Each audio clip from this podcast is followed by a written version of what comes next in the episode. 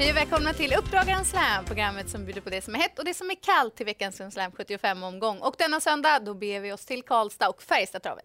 En bana som är känd för sitt eh, snabba underlag och upploppet är rätt kort, 177 meter, så det är fördel att sitta i den främre träffen. Däremot så kan det vara lite klurigt med innerspår bakom bilen. Förutsättningarna har ni fått serverade och nu vill vi ge er veckans heta. Morgan Ivarsson har förfinat sina siffror ordentligt i år som såväl kusk som tränare och i den andra avdelningen ser han ut nummer ett Ad Astra. Hon har toppform, hon är stark och hon trivs över längre distanser. Näst senast var hon duktig tvåa bakom kapabla Napoleon Cash och senast, ja då var hon verkligen bara bäst trots en resa hängandes i tredje spår och sen utvändigt om ledan. Hon är en het segkandidat.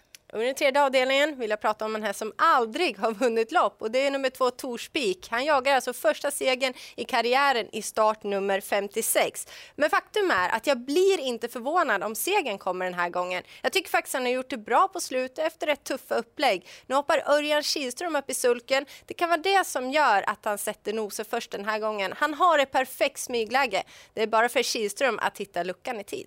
Och jag tror inte att jag är ensam om att behöva hjälp när det gäller den femte avdelningen. Nej, men då ska du tänka på nummer sex Kismelaki. Hon är en riktigt fin travare och hon har bra förutsättningar den här gången. Båda hennes segrar är tagna från ledningen och jag tror hon har bra möjligheter att hitta dit. Hon ska tävla i en amerikansk sulky för första gången, vilket brukar förbättra startsarbeten ytterligare. Och Niklas Benson som kör, ja, han har vunnit med henne tidigare och han trivs ju väldigt, väldigt bra i den här vagnen. Och går vi till den sjätte avdelningen så levererar nummer 10 Hustle Rain starka prestationer varje gång. Senast ryckte man skorna för första gången. Man ville ta sig till British Crown-finalen. Dock fick han aldrig chansen till slut och han gick i mål med sparade krafter. Lättare motstånd den här gången och återigen Amel barfota runt om. Det känns väldigt spännande. Då är det dags för veckans profil som även har bra koll på banan. Ja, och det är ju Hans Kreba som har ett starkt år bakom sig och han selar ut en duo på söndag.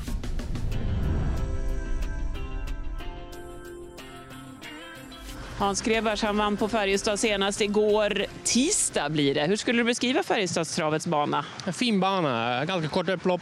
Men jättebra. Igår var den väldigt uh, smetigt men det, för det var ju plusgrader, minusgrader, snö. Men uh, den är säkert bättre på söndag. Och du har ju med dig till att börja med då, Strängnäs Palema i GS 75 6, nummer 9. Vad kan du hälsa till spelarna där? Ja, jättebra. Han var ju lite, jag körde ju ledningen här i Big Noon-pokalen, då var han sjuk. Eh, sen fick han lite, ja, fick en liten paus. Sen körde vi då debut med honom för två veckor sedan. Han vann ju från ledningen. Han var lite skyldig att vinna loppet. Han, vi fick komma till ledning, men han gjorde det på ett bra sätt. Han, han lär säkert vara bättre med det loppet i kroppen. Så, fin treåring som, som, som, som, som har ljus framtid. Vilket upplägg tror du att det kan bli den här gången? då? Ja, han är spår 9 med ganska startsnabba hästar framför. Så, ja, ryck på ledare vore det bästa, men jag tror, jag tror tre invändigt eh, tror jag att det är bäst för att han möter några bra och tror inte att, att han är på topp så direkt i andra starten. Men eh, tre invändigt och lycka till slut, då kan han tjäna fina pengar. Och sen har du också Dream of Money, det är nummer två i avdelning sju. Vad är budskapet där? Eh, hon tävlar lite ojämn. Hon vann ju sist på Halmstad, fick andra utvändigt och spurtade hon jättebra. Hon gick ju strax under 12 sista varvet. Så det är en bra stor som är lite ojämn. Men vi fick ju spår två och då borde vi kunna få ett, ett bra lopp, eh, antingen spets eller, eller, eller med det framme i alla fall. Då är hon väldigt vass till slut. Så uh, tanke på läget är hon väldigt tidig tycker jag. Ja, Hans Grebas kommer med två hästar som är i ordning. Ja, men avslutningen, just spetsstriden är man inne på. G-Man Idé har möjlighet att hitta ledningen.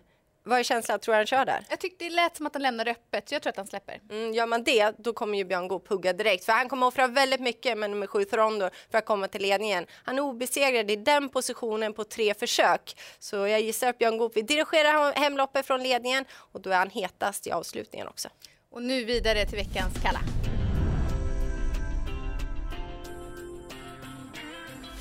I den första avdelningen så har nummer ett, Notisem, alltid varit hårt betrodd men inte riktigt levt upp till förväntningarna. Senast blev hon väl pigg i ledningen och fick ge sig sista biten. Och även om hon återigen har bra spetschans så kan det bli tufft att stå emot de mer rutinerade och meriterade storna på tillägg. Hon har faktiskt klart minst rutin i fältet. Och går vi till den femte avdelningen så var nummer 15 Nibali Vivantis duktig tvåa i regidebuten för sin nya tränare senast. Men har pausat efteråt och jag har svårt att se någon gå runt hela fältet från bricka 15. Dags att runda av programmet genom att lyfta fram det, det vi tycker är viktigast.